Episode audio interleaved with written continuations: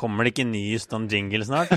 Da jeg signa på der, så ble jeg lova ny jingle. Så har det ikke skjedd en Det er et evigvarende prosjekt som kommer til å gå gjennom hele denne podkastens levetid. Det er å få en ny intromusikk.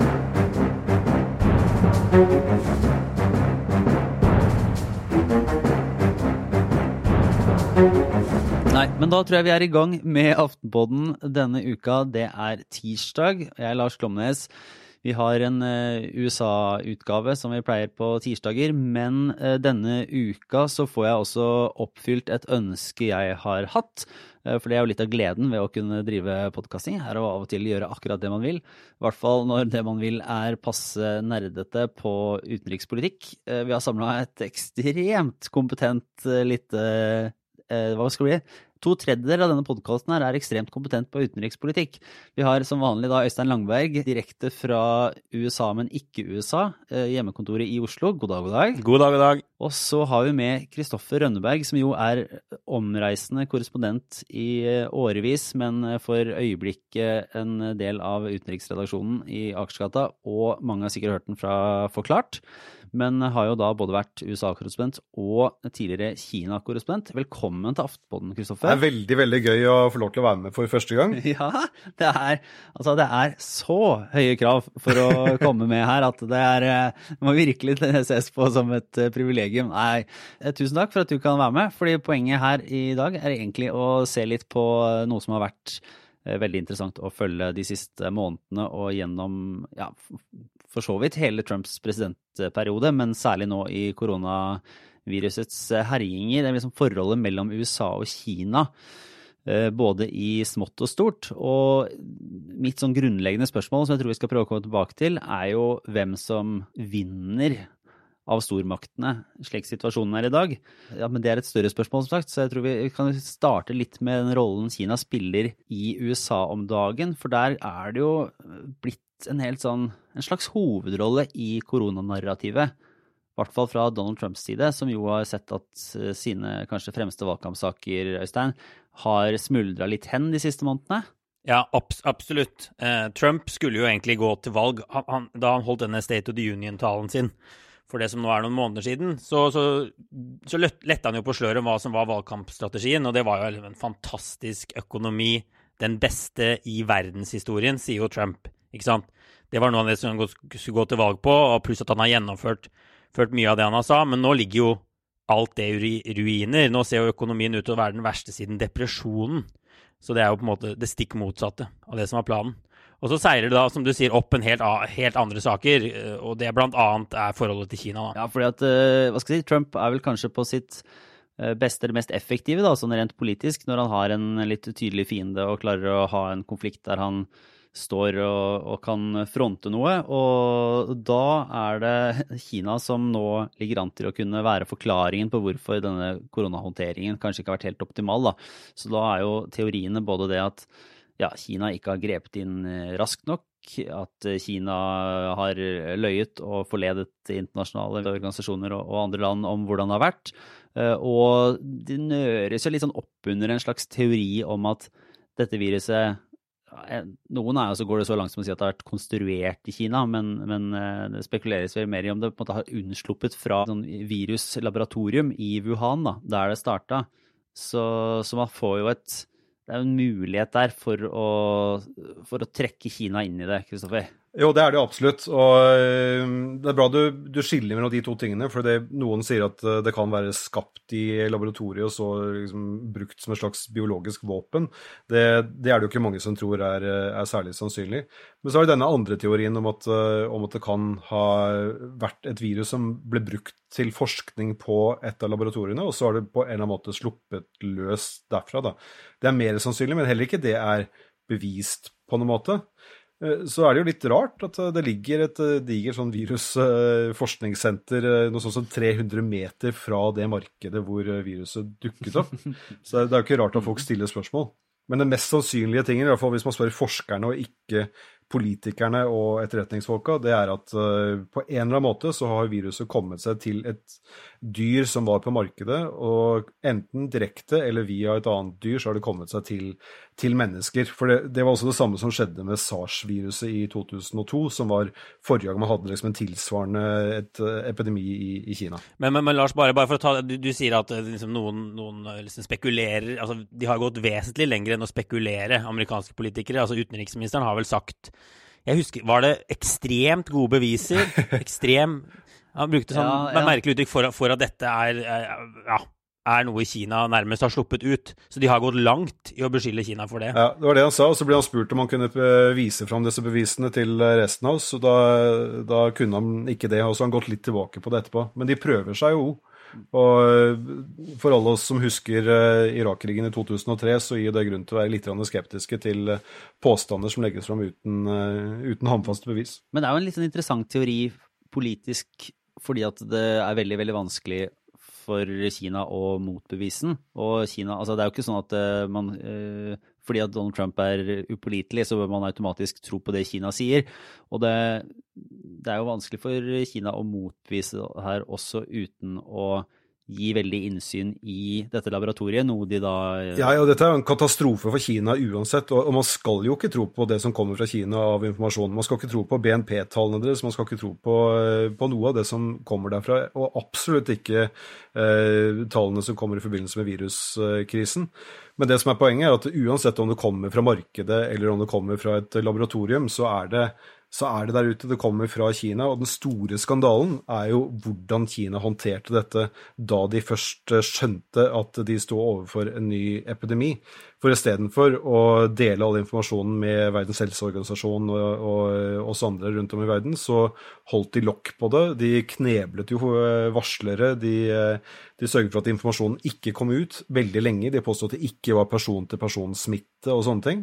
Og det gjorde at eh, Det er jo ikke sikkert at Donald Trump og, og andre hadde reagert noe raskere av den grunn, men de, fikk, de mistet i hvert fall ganske mange uker fordi Kina valgte å, å holde lokk på, på, hele saken. Og Det er jo det som er den store, den store skandalen, tenker jeg. Det gjør jo at denne, altså det argumentet fra Trump og andre kan virke. Og hvis de velger å være strategiske på å få et sånn eh, Kina er, er fienden-narrativ, eller er årsaken til at dette har gått så dårlig, og bruker det inn i valgkampen, så er det jo ikke noe som det er ikke noe som tyder på at Joe Biden fra demokratenes side Eh, kommer til å bli sånn veldig sånn forsvare Kina. Altså det, kommer til å bygge opp en hardere front, antageligvis, fordi det er god grunn til å kritisere Kina. Eh, og Biden har ikke noe sånn egentlig argumenter for å skulle Han har ikke noe å tjene på velgermessig å forsvare Kina, annet enn han selvfølgelig kan tjene på å vippe skyld på Donald Trump. da. Men det kan jo gjøre at de frontene blir hardere. Hvor mye lar de seg provosere av en sånn valgkamp, f.eks.? Jeg tenker på hva hvordan Norge havna i den berømte liksom, isboksen og ble satt, uh, satt, i fryseren av Kina etter fredsprisen til Liu Xiaobo. Og en del sånne ting om hvordan de slår ganske hardt ned på, på ting som rammer Kina, men lar de seg affisere av den type retorikk som Trump driver med, og som en amerikansk valgkamp kan være? Mm. Et, eh, det er et godt spørsmål. Og de har jo gjort litt av det samme med Sverige nå det siste. Da da svenske Penn ga en pris til, eh, til Gui Minhai, en, en eh, svensk-kinesisk forlegger, så ble kineserne veldig sinte og truet med det ene og det andre. Det er gjort det samme mot Australia nå nylig. Da Australia kom med et forslag om at Taiwan skulle slippes inn i WHO som observatører, så ble kineserne rasende. Eh, I en lederartikkel i en kinesisk avis så ble Australia omtalt som tyggisen under Kinas sko. Så de, de er, er, det, er, det, et sånn eh, klassisk kinesisk eh, bilde som er liksom poetisk, eller er det bare et, Nei, det, det, et mer sånn Det var et, et, et gammelt jungelord fra Kina som jeg ikke hadde hørt før. og vi kan jo legge til, Kristoffer, du, du, kan jo si litt mer om det, men, men, Kina, det har jo versert teorier i Kina også, uh, hvis, hvis, man synes at USA er urimelig når de sier at dette er noe Kina De har masse beviser for at Kina har nærmest bevisst påført verden dette. Så har jo Kina også kommet med teorier om at dette kommer fra USA, egentlig. Mm. Eh, og Jeg vet ikke om det er fra myndighetene eller om det er mediene, hvem, hvem som har pusha det. Nei, Det kommer fra, fra myndighetene. Det er en, uh, han var ambassadør, nå husker jeg ikke helt hvor han uh, var, men han ble iallfall kalt tilbake til Beijing. Ikke for å få kjeft, men for å bli uh, satt inn som leder for kommunikasjonsavdelingen i kinesisk UD. Så det var en, en, klar indikasjon på at dette er noe de ønsker. Altså, de ønsker å gå hardt ut og angripe alle som anses for å være kritikere av, av Kina. De har til og med fått et navn, dette de kalles for ulvekrigere disse diplomatene som nå eh, holder til rundt om i verden og, og, kjefter på alle som tør å kritisere Kina. Så det er en ganske ny taktikk. Eh, lenge så prøvde de seg på liksom, myk makt og skulle snakke om samarbeide, win-win, og at uh, vi skal liksom ha globale løsninger på globale problemer. Men uh, alt det er kastet ut av vinduet nå i forbindelse med denne krisen, og nå er det de som ikke er på lag med oss, de, de skal vi ta. De er ikke helt der på USA ennå, og det har jo sine helt naturlige årsaker årsaker, fordi USA er så store. Men eh, det er jo ingen tvil om at eh, det forholdet der det er i ferd med å rakne raskere enn noen klarer å stoppe det, tror jeg. Ja, og Lars, du nevnte jo Biden og, og demokratene, og det var interessant å se for noen uker siden at, at mange ville jo kanskje forvente at, at demokratene var litt mer sånn vennlig innstilt i Kina, og at de synes Trump går for langt. Men Biden kom jo med en, en, et angrep nærmest fra, fra ytterkant eh, mot Trump, hvor han sier at Trump har vært for, for svak mot Kina. Eh, og sier at han eh, har liksom eh, ja, latt seg lure av kineserne og stolt på den informasjonen de kom med i januar og februar. Så, så, det tyder jo på at i hvert fall Biden ønsker å være ganske hard i klypa her. Mm. Og, og, på meningsmålinger så er det jo sånn Jeg så den siste målingen fra Pew, er det sånn 60-70% av amerikanerne som har et ufordelaktig bilde av av eh, Kina. Og det er både blant, altså litt mer blant republikanere, men også blant demokrater. Så det, så det er grunn til å tro at demokratene altså Biden kan neppe framstå som kanskje hardere enn Trump på Kina, men han kan i hvert fall liksom stikke litt hull i den der at Trump er en sånn Kina-refser. da. Ja, for det er litt rart, for at uh, Trump var jo egentlig overraskende Kina-venn. Altså han har, han har, vel gjort akkurat den der eh, greia som Trump gjør, da, der han i ene øyeblikket er Eh, kompis, og andre øyeblikket så kjefter han og smeller han. For han, var jo, han roste jo egentlig Kina for hvordan de håndterte koronaepidemien da den begynte. Og samtidig så har han jo både hatt sånn handelskrig og vært sånn Xi, min buddy, kommer til å løse dette her. Det er jo en rar sånn tilnærming. Hva kan du si om hvordan for, har forholdet vært mellom USA og Kina nå før koronaviruset kom inn? Altså er det på temperaturmåleren, Kristoffer? Det er et forhold som har eh, gått sakte i gæren retning over ganske lang tid, eh, egentlig. Hvis vi, eh, hvis vi, ser for oss 1972, da Nixon besøkte Kina, det var liksom det store gjennombruddet for, for forholdet mellom de to landene, og for så vidt også for Kina i forhold til resten av, av verden, så har det etter OL i 2008 egentlig, så har det begynt å gå i gæren retning igjen. Og Det har en sammenheng med at Kina har blitt eh, sterkere, eh, blitt en større økonomi, fått større global makt, større selvtillit, ikke minst. Eh, og så ble det ytterligere forsterket da Xi Jinping overtok som partileder i 2012. Xi Jinping er en, en fyr som bruker nasjonalisme og, og patriotisme for å fremme Kinas sak globalt, og dette har jo selvfølgelig trykket på alle de gærne knappene hos, hos USA. Eh, jeg husker eh, Hillary Clinton, da hun var utenriksminister, så snakket hun om at eh, for en gang skyld skulle man unngå denne såkalte tykkedid-fellen, en gammel gresk referanse til at en framvoksende stormakt alltid må komme i konflikt med den eksisterende stormakten. Det mente Hillary Clinton at man skulle unngå. Men samtidig så jobbet jo både hun og Obama-administrasjonen generelt med å demme opp mot Kinas vekst de skulle få til en diger handelsavtale, bl.a. Uh, Trans-Pacific Partnership, hvor de skulle samle alle de andre landene i stillehavsregionen, bortsett fra Kina, sammen i en stor allianse for å liksom, prøve å sakke Kinas økonomiske vekst. Så dette har jo pågått en stund. Og så kom eh, Trump inn som president i, i 2017 og eh, prøvde både å, eh, å flørte direkte med Xi Jinping og tok imot smigeren fra Xi Jinping, og de to var buddy-buddy, samtidig som han da startet denne handelskrigen. Og, og det gikk såpass dårlig at da koronakrisen traff, så var det ikke veldig mye grobunn for å skape noe samarbeid. og Snarere tvert imot så sitter nå begge landene som du var inne på, Lars, og, og kjefter på hverandre. Ja, og, det er, og bare som vi nevnte, demokrater og republikanere, det er også noe, den, den fellen som Kristoffer snakker om, som jo er en referanse også Det er en, en, kjent bok som heter 'Destined for War', skrevet av han Graham Allison, hvor han, hvor han, skriver om denne fella man kan gå i, og at veldig mange, det finnes veldig mange eksempler opp gjennom verdenshistorien på at når en stormakt blir utfordret, så ender det i krig. Det er nærmest, nærmest uunngåelig. Og det er jo faren nå, hvis man ser at demokrater og republikanere prøver å overgå hverandre i å være sånn Kina-hauker, Kina-kritikere, og man får en sånn dynamikk, så kan jo det nettopp føre til det. Det så det blir veldig, hvis, Biden vinner valget, da, så blir det veldig interessant å se hva som skjer med forholdet, men jeg tror det er naivt å tro at det plutselig er liksom, perfekt, flott flott over natta. Jeg tror kanskje, kanskje litt mer forutsigbart. Kanskje litt mer forutsigbart. Kanskje den store forskjellen eh, tenker jeg vil være at Biden vil være flinkere til å skape allianser med likesinnede land. Altså det, det, som er den store utfordringen sånn globalt sett nå, er at det, både Kina og USA driver og skyver fra seg alle andre. Altså USA rister jo av seg allierte raskere enn vi, vi, klarer å snakke omtrent. Der vil nok Biden eh, litt mer i, i Obamas ånd klare å, å, lene seg på diplomatiet for å prøve å, å samle rekkene litt uh, rundt USA igjen. Men hvis vi er tilbake på egentlig min uh, Ja, for å snakke om sånn konspirasjonsteorier eller mønstre, da, og her er min store favorittkonspirasjonsteori, som, uh, som jeg, jeg, vet ikke om den har noe særlig spredning, ja, men det er sånn, et, et makiavellisk uh, tanke om hvordan dette kan, kan gå. Uh, som er jo at Kina har måtte, Dette viruset slipper løs i Kina. hvis det skal være ordentlig konspirasjonsteoretisk, så kan du ta med alt at de har, at de har planlagt alt dette her og sånn, men, men det, det, kan jo egentlig legges til side. Men slipper ut vir, for viruset oppdaga i Kina får låst det ned selv. Det rammer resten av verden, svekker USA, svekker eh, alle de store vestlige landene, eh, gjør utviklingslandet mer avhengig av hjelp.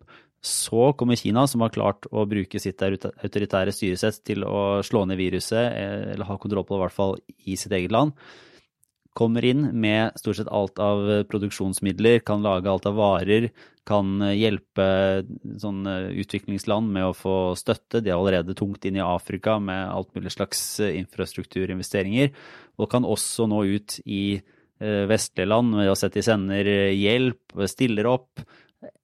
USA går ut i kaos. Kina står igjen med kjempeproduksjon, Marshall-hjelp til resten av verden og en slags Eh, om ikke moralsk, så i hvert fall pragmatisk erkjennelse av at det autoritære styret i Kina har sine styrker når man skal håndtere kriser, og dermed er en slags vinner i enden av dette her.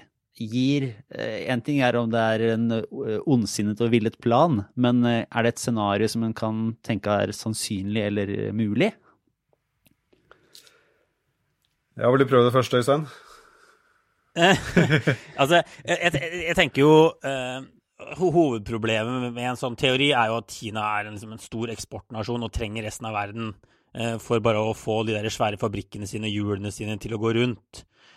Det virker jo og det, virker, det er litt sånn vanskelig å lese Kina noen ganger, men, men, ønsker de egentlig å bli et nytt USA som liksom styrer over hele verden, eller ønsker de egentlig bare å bli, være en stormakt, respektert stormakt, og være liksom litt i fred? For å bruke en, eh, en klisjé der, altså det er en grunn til at eh, Kina heter det de gjør på kinesisk. Altså Det kinesiske navnet på Kina, Zhongguo, det er eh, midtens rike.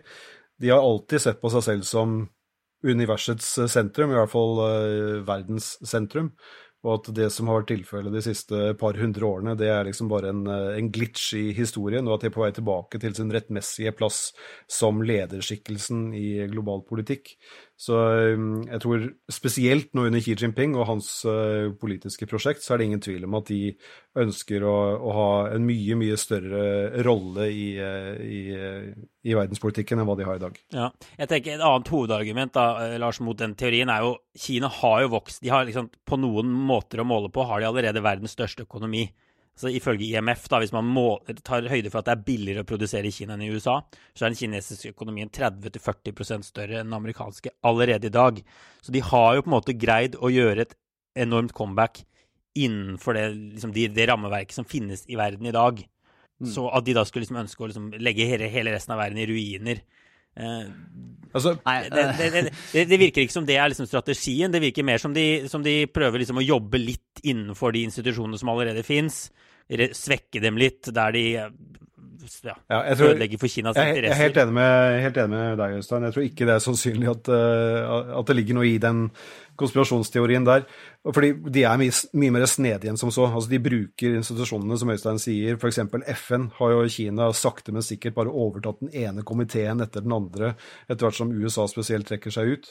Og så er det Den andre logiske bristen med teorien er jo at eh, dette er ikke nødvendigvis bra for Kina, selv om de nå har blitt kvitt de fleste, de fleste tilfellene og har begynt å få økonomien på fote igjen. fordi de, er ikke i nærheten av hvor de var. Jeg så nå I april så økte de produksjonen av telefoner med, med 17% De er langt unna der hvor de var, og det henger jo sammen med at dette er liksom en sånn two-punch-situasjon for dem, hvor de først eh, først mister all produksjon pga. virusutbruddet, og så forsvinner jo etterspørselen fra resten av verden, som fortsatt sliter med dette, både i land som eh, eh, USA og her i Europa, men også i utviklingsland, som Kina har satset knallhardt på.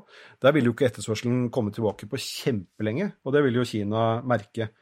Og når vi da i tillegg får eh, pushback for denne eh, ulvekrigerdiplomatien, eh, hvor andre land begynner å bli irriterte på dem og ikke lenger ønsker å handle med dem på samme måte, så får man f.eks. sånne nyheter som vi fikk denne uken, at Apple nå eh, sannsynligvis kommer til å flytte 20% av sin produksjon eh, fra Kina til India. Så dette er, eh, uansett eh, hvor mange koronatilfeller som er i Kina i dag, så blir dette her økonomisk veldig vanskelig for dem veldig lenge. Eh, Det er ikke ønska, og antageligvis det er det ikke konstruert. Men hvis vi ser på dette som et maktspill mellom USA og Kina, som, som stormaktene nå, er det, måte, er det like ille for begge to, eller er det noen som kommer verre ut av den andre? Ja, det blir jo Det er jo veldig vanskelig å spå. Jeg tror kanskje at uh, dette kan bli mer problematisk for Kina. At det kan bli vanskelig for dem å reise seg opp igjen enn hva det er for, uh, for USA. Mest av alt fordi USA er kommet på et annet uh, utviklingsnivå. Det er lettere å komme seg altså, Når man opplever fattigdom, som mange flere i USA gjør nå enn hva de gjorde for noen måneder siden, så er det lettere å komme seg forbi det og opp på fote igjen. I Kina, hvis de nå får en langsiktig konsekvens av dette fordi etterspørselen forsvinner i resten av verden, så får de problemer også fordi hele modellen er basert på eh, kontinuerlig vekst. Og ikke bare en liten vekst, men de har jo, har jo snakket om problemer allerede i fjor fordi veksten var nede i 6 ikke? BNP-veksten var nede i 6 Og når den nå plutselig er på null eller i, i negativt område, så, så får det massevis av ringvirkninger. Og det kan også få store sosiale ringvirkninger fordi eh, grunntanken er eh, myndighetene skaper stabilitet og vekst, og så godtar befolkningen mangel på demokratiske rettigheter og personlig frihet. Så fort da den ene delen av den ligningen forsvinner, så kan det også tenkes at befolkningen, spesielt nå som middelklassen i Kina har blitt ganske stor, eh, kommer til å vurdere om det er riktig for dem å la kommunistpartiet og det eneveldet fortsette å ha makten i Kina. Men der driver vel også myndighetene og måte selger inn eh, bildet da, på samme måte som de gjør i USA, egentlig, at, at, det verre, altså, at det går verre i store deler av verden. Og at, eh, at nettopp fordi storhetsmaktene de kan kanskje ikke gi den velstandsøkningen nå, da, men de kan gi god beskyttelse mot viruset og være mer organisert enn f.eks. USA. Var det ikke Kina som lagde en sånn Legomann-reklame? eh, som handla om sånn hvor, eh, hvor slumsete og dårlige jeg tror det var amerikanerne var på å forstå eh, ja, viruset og beskytte innbyggerne. Og de kan jo på en måte kjøpe seg legitimitet i håndteringen av krisa også, eller er det enda eller er det veldig vanskelig i Kina, og kanskje vanskeligere siden det starta der? Nei, jeg tror det er et veldig godt poeng. Altså, Donald Trump gjør jo dette veldig lett for kineserne, for de kan bare peke på ham. Og, altså Et uttrykk som brukes mye i kinesiske medier uh, for tiden, det er uh, som betyr noe sånt som å kaste stekepannen. Det er en militær referanse om at man Stekepannen hvor tyngste måtte, man måtte bære med seg når man var ute og gikk, så man ville aldri være den som bar på den. Å, sånn, ja. ja. Så ved å Mm. Så ved å kaste den, så gir man fra seg ansvaret, på en måte. Og det, det, det, er det de sier at USA gjør nå. At det eneste grunnen til at USA peker på Kina, det er for å slippe å ta ansvaret selv. Ja. Uh, så det er klart, hadde amerikanerne hatt en bedre Hadde de håndtert denne krisen bedre, så hadde det vært et større problem for Kina enn, enn hva det er. Men uh, der kan jo, som vi var inne på, det kan jo ting endre seg fra, fra november av. Ja, jeg tror det er ingen som sitter nå og tenker de er, altså, de er veldig imponert over måten USA har håndtert situasjonen på, måten de har tatt globalt lederskap, ikke sant, ledet en allianse. Det, er ikke noe dette har skjedd. De har trukket støtten til, til Verdens helseorganisasjon. Det er det de har gjort sånn på den internasjonale scenen. De har, de har sett allierte i Nato nærmest krangle på, på, på rullebanen om, om, medisinsk utstyr. Eh, så det har jo ikke vært noe sånn, noe sånn vakkert syn. Men, men, det kan godt hende at den langsiktige effekten her er at Kina rammes hardere. USA har en stor økonomi veldig sånn basert på at forbruker eh, handler på hjemmebane. Egentlig en ganske lukka økonomi som ikke er så avhengig av eksport. Hvis man nå ser land etter land sier vi må produsere mer hjemme, så er det utrolig dårlige nyheter for Kina. Og så ser vi jo at Kinaskepsisen har vært økende i Vesten de siste fem-ti årene, kanskje. EU tar dette mer på alvor, Nato tar dette mer på alvor. Og det er vanskelig å se for seg at denne krisen skal gjøre at folk får et mer vennlig syn på Kina i Vesten. Nå er det sånn at det plutselig er EU som eh, kommer eh, styrka ut av dette her, i sånn stormaktsbalansen. At det er eh, europeiske samarbeidet. Det ville vært veldig overraskende og paradoksalt, ville ikke det? Jo, jeg tror ikke EU ja, Problemet er at Problemet er at EU også må, må, bestemme seg i en større grad enn hva de måtte tidligere. Altså de, de, har sittet på gjerdet når det gjelder denne stadig amprere stemningen mellom Kina og USA. Så har EU, altså, og for å ta det utvidet, inkludert Norge, forsøkt å uh, få sikkerhet fra USA og, og, billige varer fra Kina. Og ikke provosere noen av dem for mye. Så uh, europeiske land har gått med på å gi litt mer til NATO, eller til forsvarsbudsjettet for å tilfredsstille amerikanske krav, og så har de ikke klaget for for mye på menneskerettighetsbrudd i, i Kina. Men hvis konflikten mellom USA og Kina blir tydeligere, og vi kommer inn liksom i kald krig-territorium, som jeg ser flere analytikere nå har begynt å, å, snakke om, så vil jo også presset mot Europa bli sterkere, eh, spesielt fra amerikanerne, for å velge side. Så da blir det vanskeligere f.eks. For, for land å velge Huawei som 5G-leverandør, noe jo for øvrig Norge har bestemt seg for ikke Så det man kan se for seg at det er et utfall av denne krisa, er jo at altså, nå har USA vært verdens politimann lenge. Eh, det er ikke sikkert Kina kommer opp og tar den rollen. Det er egentlig ganske få som tror at de vil liksom ta den samme rollen som USA har hatt. Og at man heller får enda mer anarki. Eh, det er også veldig vanskelig å se for at EU eh, De har makt på noen områder, de har en stor økonomi, men de mangler jo en utenrikspolitikk og et forsvar. og De, de mangler jo mange ting i EU for for å, ta den rollen. Så det kan godt hende det er bare mye dårligere koordinasjon, mer kaos, eh, som bare vil Det er en trend vi har sett, som kanskje bare vil fortsette med, med koronakrisen. Det er kanskje den beste for, ja, Forventninger. Hva er det, det, er det man kaller Hva er det, hva er det teoretikerne kaller det? En, hva er det en zero, uh, zero G? Nei, hva er det kalt det der? G0. Ian Bremmer som snakker om uh, ja, G0. Uh. Eh. En henvisning til G, vi har G20, ikke sant, de 20 største økonomiene i verden. Men her, vi får en verden hvor det ikke er noen, noen lederskap, noe lederskap i det hele tatt. Da. Det er derfor han kaller det G0. Uh, og det har han Ian Bremmer i Eurasia Group lenge pusha som en, som en teori. Hvis han ser for seg den verden, så er det jo lett Eh, Kina da, har noen ganske tydelige utenrikspolitiske interesser i eh, på en måte å ha mer kontroll med Taiwan. De har disse Sør-Kina-havøyene. De har på en måte noen sånne ja, tydelige prosjekter utenrikspolitisk som de kanskje vil gjennomføre, og som de kan se for seg at de i en betent nok situasjon vil gå til liksom fysiske skritt for å, eh, for å kontrollere områder de ikke gjør i dag, eller andre sånne ting.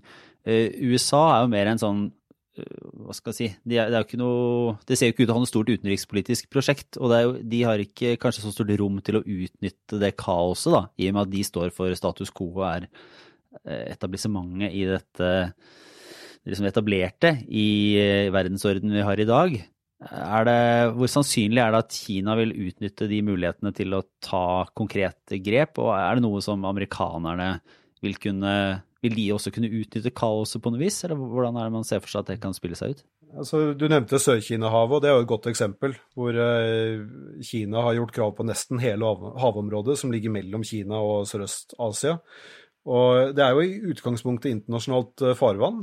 Eh, selv om kineserne påstår at de eier alle øyene og tollene og skjærene som ligger der, og dermed så er det også deres havområde, at det er innenfor deres territorialsone og ikke bare deres økonomiske sone. Så USA utfordrer jo det Selv om USA ikke er del av havrettstraktaten, så utfordrer Kina den kinesiske tolkningen av hvem som kontrollerer havområdet, ved å sende inn krigsskip i Sør-Kina-havet med jevne mellomrom for å, for å si at her er det fri ferdsel, og det benytter vi oss av. Men problemet er jo at når det internasjonale systemet forvitrer, noe det gjør i veldig stor grad fordi USA velger å trekke seg ut, så øker jo det handlingsrommet for Kina til å si ja, men her foretrekker vi å løse disse problemene bilateralt, så i stedet for at vi tar det inn via internasjonale domstoler, så skal vi snakke direkte med Vietnam eller direkte med Filippinene. Og da er det mye lettere for Kina å utøve press enn hva det ville vært eh, i et eh, system som jo Norge er tjent med, som er basert på store internasjonale organisasjoner. Ja, er, jeg tenker Det er først og fremst dårlig nytt for små land, Lars. Hvis verden ikke har noen klar, klart lederskap, klar koordinasjon, så er det godt nytt for sånne mellomstore makter. Russland kan skape mer trøbbel i Midtøsten. Uh, man kan se det samme i andre deler av verden, kanskje i Afrika. Store land der føler at de kan gjøre mer som de vil. Så har USA hatt en helt sånn unik posisjon på 90-tallet, så det er vanskelig å se for seg at, eh, at, dette skal bli en bedre verden for USA enn det har vært. Men de kommer selvfølgelig til å klare seg bra. De har bare, dominerer jo totalt militært i verden, en ekstrem økonomi. Så det er jo ikke først og fremst for USA det er dårlig nytt. Og Så er det jo også, Du nevnte så vidt i stad, Lars, eh, Marshall-hjelpen eh, etter andre verdenskrig. og en av grunnene til at Marshall-hjelpen var effektiv, var jo ikke bare fordi det var økonomisk hjelp fra USA til, til, Europa, men det var jo også den kulturelle eksporten som kom fra USA, som gjør at, uh, at Altså, vi kan jo, vi som bor i Norge, vi kan jo alle mulige rare amerikanske kulturreferanser. Mm. Uh, hvor mange kinesiske merkevarer kan vi lage en ukentlig podkast fra... om USA som folk er villige til å høre på. Det er ikke sikkert Vi kan jo prøve gjennom Kina òg. Men, ja, det, er jo det Det er den uh, myke makten til USA som gjør at uh, det er en supermakt, og ikke bare en stormakt. Og der er det evig langt igjen for Kina før de kommer på noe i nærheten av det samme nivået som hva USA har. Og det er en klar fordel for dem uh, nå i tiden fremover. Ja, og så har de fortsatt, bare for å ta med det til slutt, at de har jo f.eks. dollaren. Som mange har spådd nord og ned i mange år, men som fortsatt bare er totalt dominerende som sånn reservevaluta i verden. Eh, og som gir USA veldig veldig mye makt. Og alle følger med på nå hva den amerikanske sentralbanken gjør. Det har enorm betydning for finansmarkeder over hele verden. Så USA har en del sterke kort på hånda. Og hvis det er et land som skal gripe inn militært et eller annet sted i verden, så er nesten USA det eneste landet som kan gjøre det. Ja. Så spørsmålet om Trump gidder å gjøre det, da. Hvis han har nok å ja, holde med med. Men så kan jo ting endre seg ganske mye. ikke sant? Folk hadde jo ganske annen oppfatning av eh, USA i verden da Obama var president enn Trump, eh, enn da Trump er president. Og det er sånn som kan endre seg igjen. Så man skal alltid være litt forsiktig. Akkurat som å dømme EU ned nord og ned hver gang det er krise i EU. Man sier at nå, nå, nå kollapser USA, nå ramler hele korthuset sammen. Men jeg lurer på om vi skal runde av jeg, med en runde med obligatorisk refleksjon. Vil du starte, Øystein, du som er eh, godt eh, inne i formatet, så kan Kristoffer følge opp? Ja, dette er ikke noen sånn klar anbefaling den uka her, eh, men, men, vår kollega Kjetil Hansen har skrevet en god sak om det, så det kan jo være anbefalingen. Men det finnes en sånn, eh, sånn såkalt superpack, altså en sånn valgkamp, eller en kamp, hva skal vi kalle det? Ja? Interesseorganisasjon? Ja, en interesseorganisasjon uh, som kjemper for et politisk prosjekt som heter The Lincoln Project. Det er navnet på denne superpacken. Uh, og bak den så står det en hel haug med tidligere republikanere som nå har vendt seg mot Trump. Og de lagde De er blant annet mye reklamefolk, og de lagde en, en TV-reklame som heter Morning in America, som altså er liksom sorg i, i Amerika hvor de spiller på en veldig kjent TV-reklame fra 1984 som heter Morning in America, som er uh, morgen i USA, uh, som Reagan lagde. Og det de forklarer, da En av de som står bak, heter Rick Wilson. Han var på en podkast nylig og forklarte at konseptet bak den reklamen var at de ville den, få den på lufta og få vist den til Trump og få erta opp Trump på en eller annen vis. Så de betalte en ganske lav sum penger for å vise den på Fox News kun i Washington DC som ikke er så stort TV-marked. Og akkurat som de hadde håpa på, så kommer det en rekke sinte tweets fra Trump hvor han langer ut mot denne videoen. Han, han langer ut mot folka bak, sier at de er en gjeng tapere. Og så strømmer pengene inn til The Lincoln Project. Og så kan de vise reklamen i vippestater som vi snakket om sist, som Michigan, Wisconsin. Og da har de plutselig fått masse penger i kassa. Og, og jeg må si, altså, han, han, han Rick Wilson som snakker i den podkasten, eh, Campaign HQ, han, han, han er veldig selvsikker. De mener jo at de kan liksom kontrollere Trump nærmest som en sånn maskin utenfra, for de vet akkurat hva hans Ja, svake punkter gi en er. riktig, sånn, eh, riktig stimuli fra hans eh, tilførsel av informasjon, så kommer han til å reagere på en viss måte. Den ene som er med i denne gjengen, er altså heter han George Conway, som er gift George Conway den tredje heter han faktisk. tredje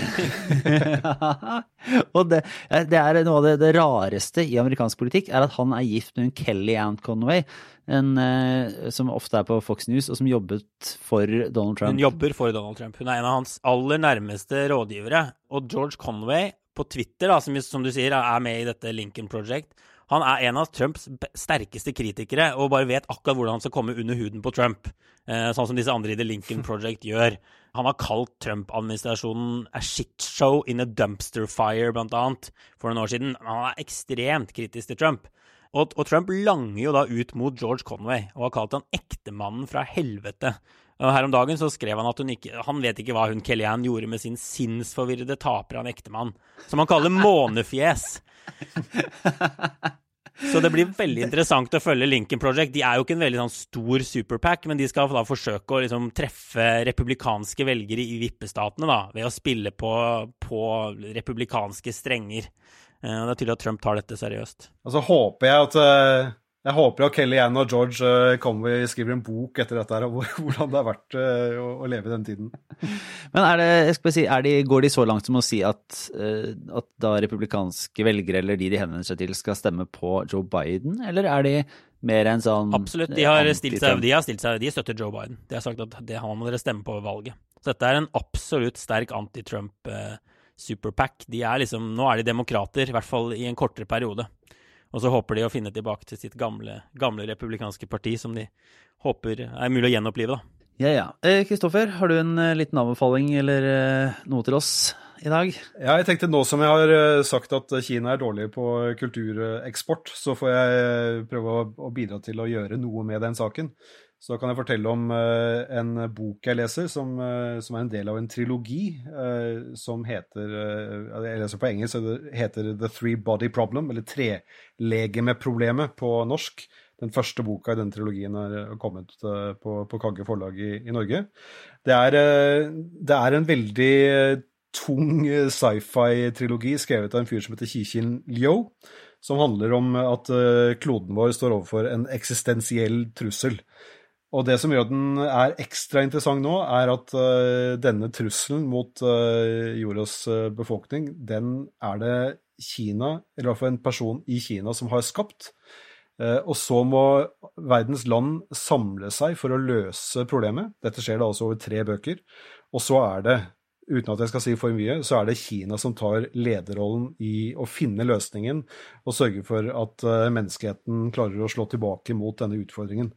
Jeg tenker Det er en grei illustrasjon tror jeg, på hvor, eh, hvor Kina ønsker å være i, i verden i dag.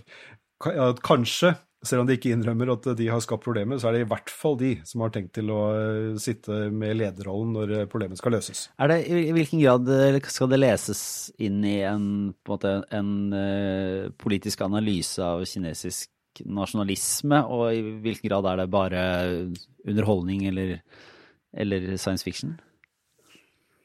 Jeg tenker boka er et eh, produkt av sin tid. Den første, første boka i trilogien kom i 2008, og den er nok preget av et eh, stadig mer selvsikkert Kina, som også skal ta et lite oppgjør med, med fortiden sin. Eh, Så det er nok, selv om det er jo en roman, det er en science fiction-roman, masse astrofysikk og, og nerdete greier som er, som er veldig gøy, i hvert fall det lille jeg forstår. Eh, Men hvis man vil, så man kan jo f.eks.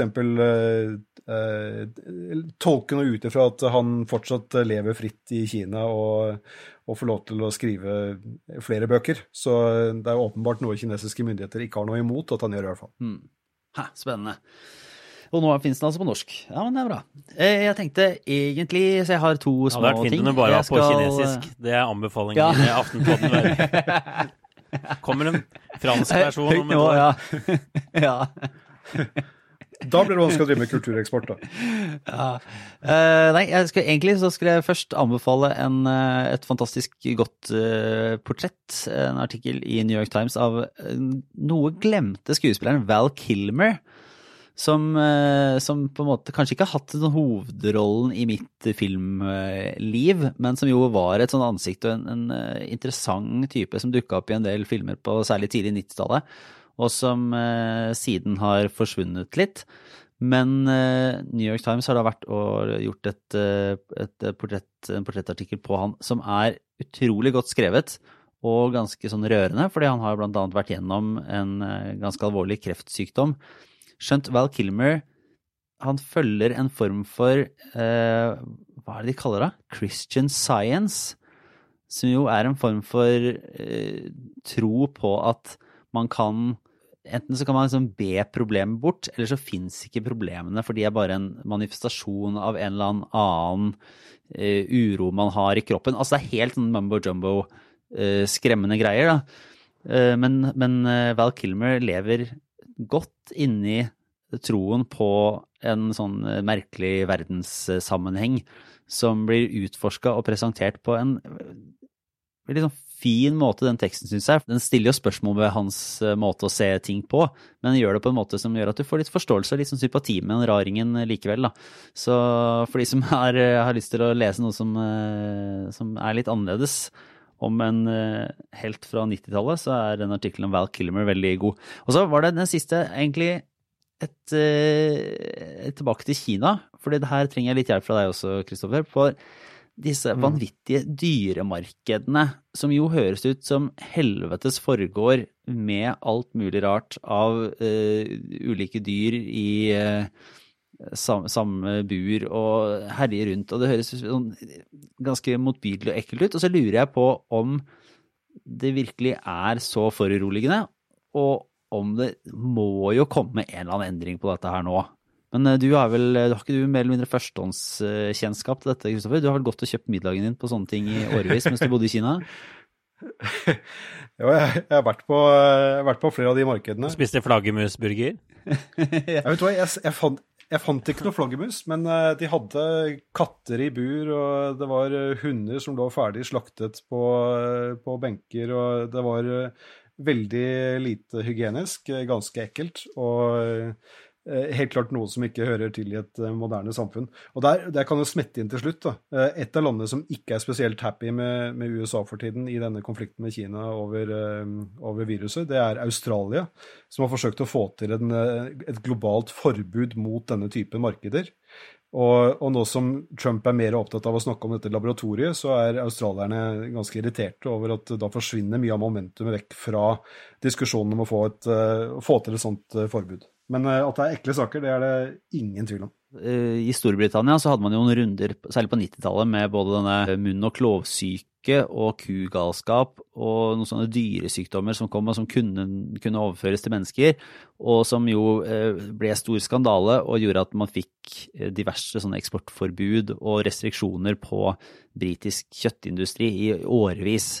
Og, det var jo groteske sykdommer og problemer, men veldig, veldig liten skala. Og da gikk i hvert fall Europa og deler av verden sammen om å, om å, stille tydelige krav. Er det noe som tyder på at det er mulig å gjøre det med Kina og sånne ting som det er? Og hva er det i så fall en skulle forby? Og det finnes jo markeder i resten av verden også? Ja, altså Det har vært en del uh, forvirring rundt dette, fordi man snakker om et forbud mot uh, wet markets. Men et wet market det er jo bare et åpent marked hvor de kan selge alt fra grønnsaker til uh, til eh, fisk og, og, og kjøtt. Men det, det, som er utfordringen i både i Kina og i mange andre land, det er disse markedene hvor de selger kjøtt som er fanget vilt. Uh, og hvor de, de, selger det i uhygieniske forhold. Jeg tror ikke at det ble solgt flaggermus på dette markedet i Wuhan f.eks. Flaggermus er ikke en vanlig matrett i Kina. ikke mm. noe sted i Kina. Men uh, spørsmålet er jo om uh, flaggermus, som ofte er bærer av uh, ulike typer virus, om en flaggermus et eller annet sted har klart å smitte et annet vilt dyr som så er blitt fraktet inn på markedet. F.eks. En, en pangolin som brukes i kinesisk medisin. Så utfordringen blir jo å prøve å få gjort noe med salget av vilt, altså ville dyr, på sånne markeder. Og, og der tror jeg det også er noe som er i kinesiske myndigheters interesse. Men samtidig så har de veldig, et veldig sterkt behov for å verne om kinesisk tradisjonell medisin, hvor det brukes en del av disse ingrediensene. Så det, det er ikke lett. Ja. Vi får se. Eh, det tror jeg var det for denne runden av Aftenpodden. Eh, tusen takk, Kristoffer Rønneberg, for at du var eh, med og gikk inn der. Det er jo superinteressant. Og så får vi se da hvem som kommer vinnende ut av denne store supermaktkonflikten til slutt. Om, om det kan løse seg. Takk igjen, Øystein. Det, noe, er det noe tegn på at du kan reise tilbake til USA, eller er det på ubestemt ventetid? Er litt usikkert, men det har vært et lite lys i enden av tunnelen nå. Vi får se. Nettopp. Ja, men Det ser vi, ser vi fram til.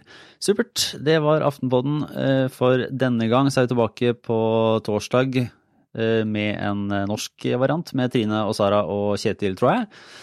Så ha en fortsatt god uke. Ha det bra.